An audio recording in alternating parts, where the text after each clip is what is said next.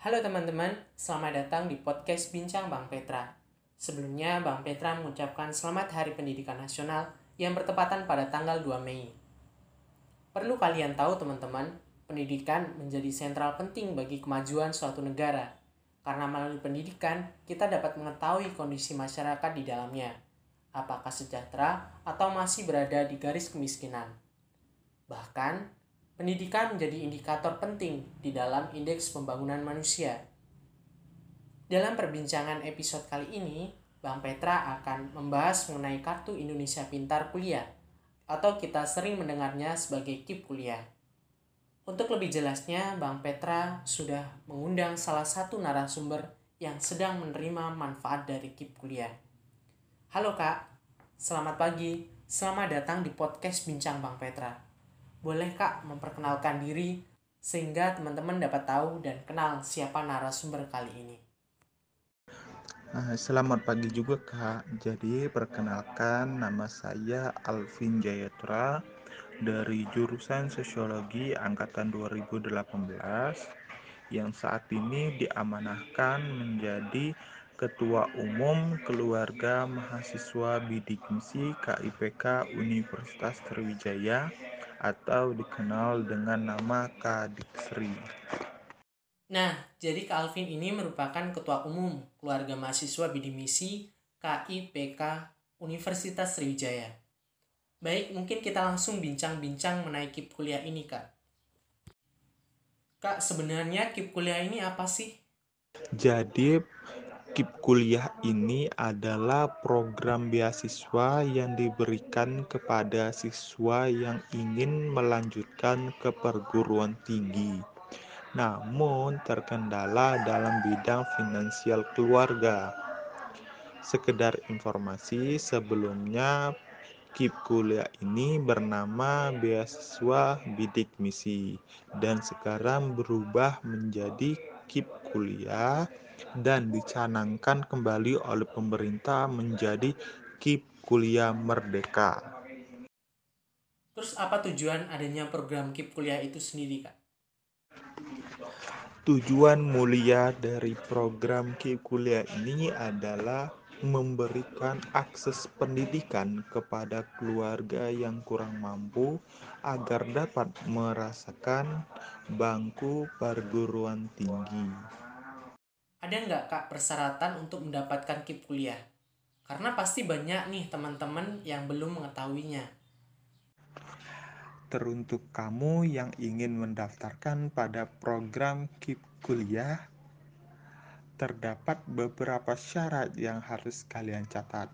Yang pertama itu adalah kamu yang merupakan siswa SMA SMK ataupun sederajat yang dinyatakan lulus pada tahun berjalan dan kamu yang dinyatakan lulus pada dua tahun sebelumnya semisal pada angkatan 2020 maka pada angkatan 2018 dan 2019 masih dapat mendaftarkan diri untuk mengikuti program KIP kuliah.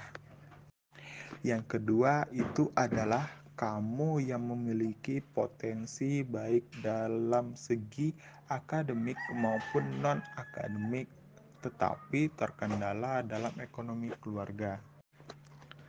Yang ketiga itu adalah kamu yang lulus seleksi masuk perguruan tinggi baik dalam seleksi nasional masuk perguruan tinggi atau SNMPTN atau seleksi bersama masuk perguruan tinggi atau SBMPTN.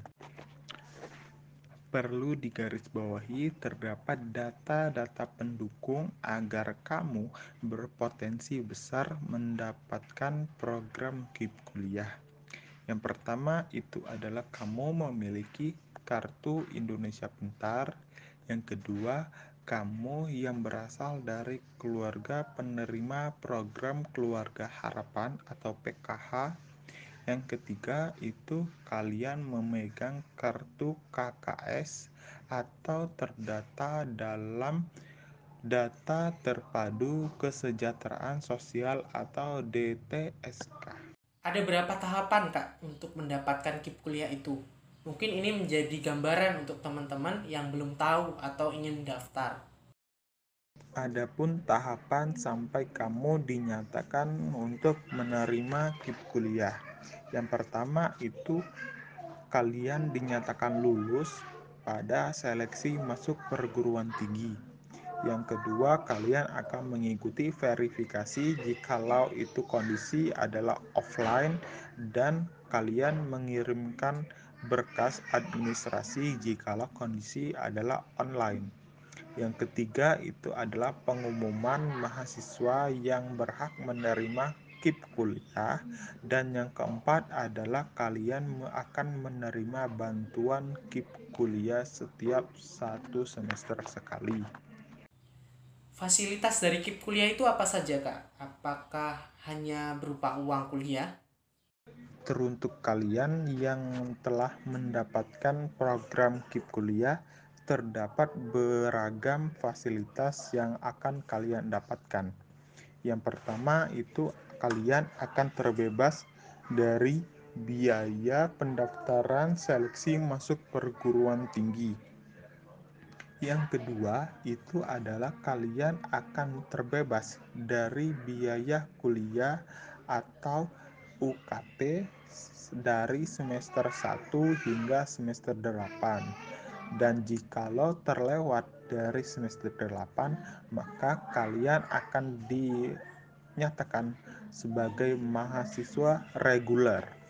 Dan yang terakhir adalah kalian akan mendapatkan biaya insentif setiap satu semester sebesar 4,2 juta rupiah. Menurut pandangan kakak sebenarnya KIP kuliah ini sudah efektif atau belum dalam membantu mereka yang membutuhkan untuk melanjutkan kuliah? Ya jadi kalau menurut saya terkait efektivitas program KIP kuliah ini masih belum maksimal karena mengingat kita tidak bisa menyamaratakan setiap jurusan yang ada di perguruan tinggi. Jikalau jurusan di FKIP itu 4,2 bisa terakomodasi, maka kita tidak bisa menyamaratakan dengan mereka yang ada di jurusan Fakultas Kedokteran. Mengenai informasi KIP kuliah ini Kak, kita dapat mengakses informasinya dari mana saja kak. Karena terkadang teman-teman ini bingung dan kurangnya informasi mengenai KIP kuliah ini.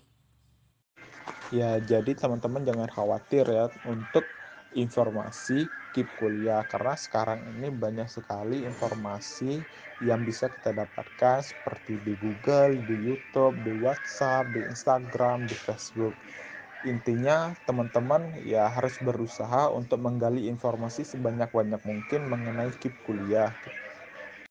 Kakak sebagai Ketua Umum Keluarga Mahasiswa Bidi Misi KIPK Universitas Trijaya, menurut kakak sudah tepat sasaran atau belum terkait penerima manfaat dari KIP kuliah itu sendiri?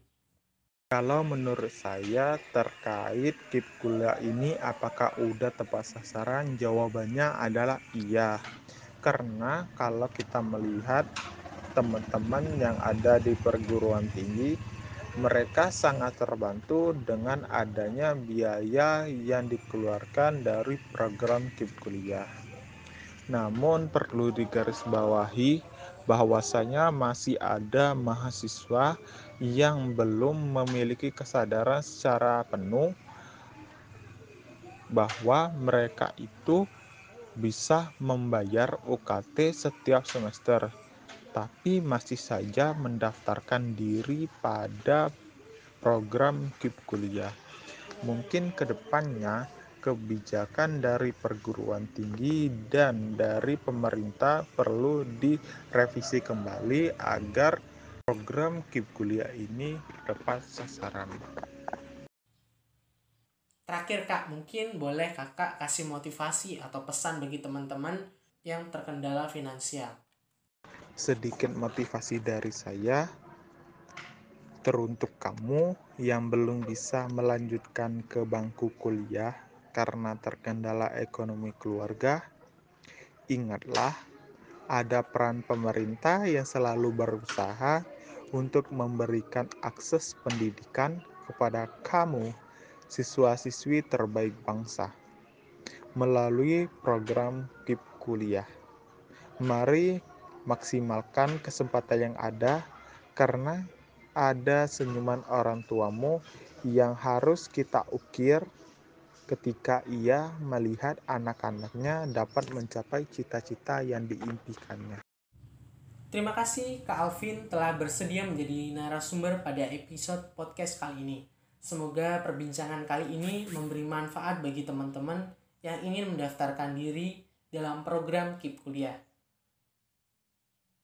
Pendidikan menjadi bagian penting yang perlu ditanamkan sejak dini kepada masyarakat. Melalui pendidikan, kita mendapat berbagai manfaat terutama pada kesejahteraan pendidikan menjadi salah satu jalan untuk memutus rantai kemiskinan yang ada di Indonesia. Mari teman-teman jangan takut meneruskan pendidikan kalian.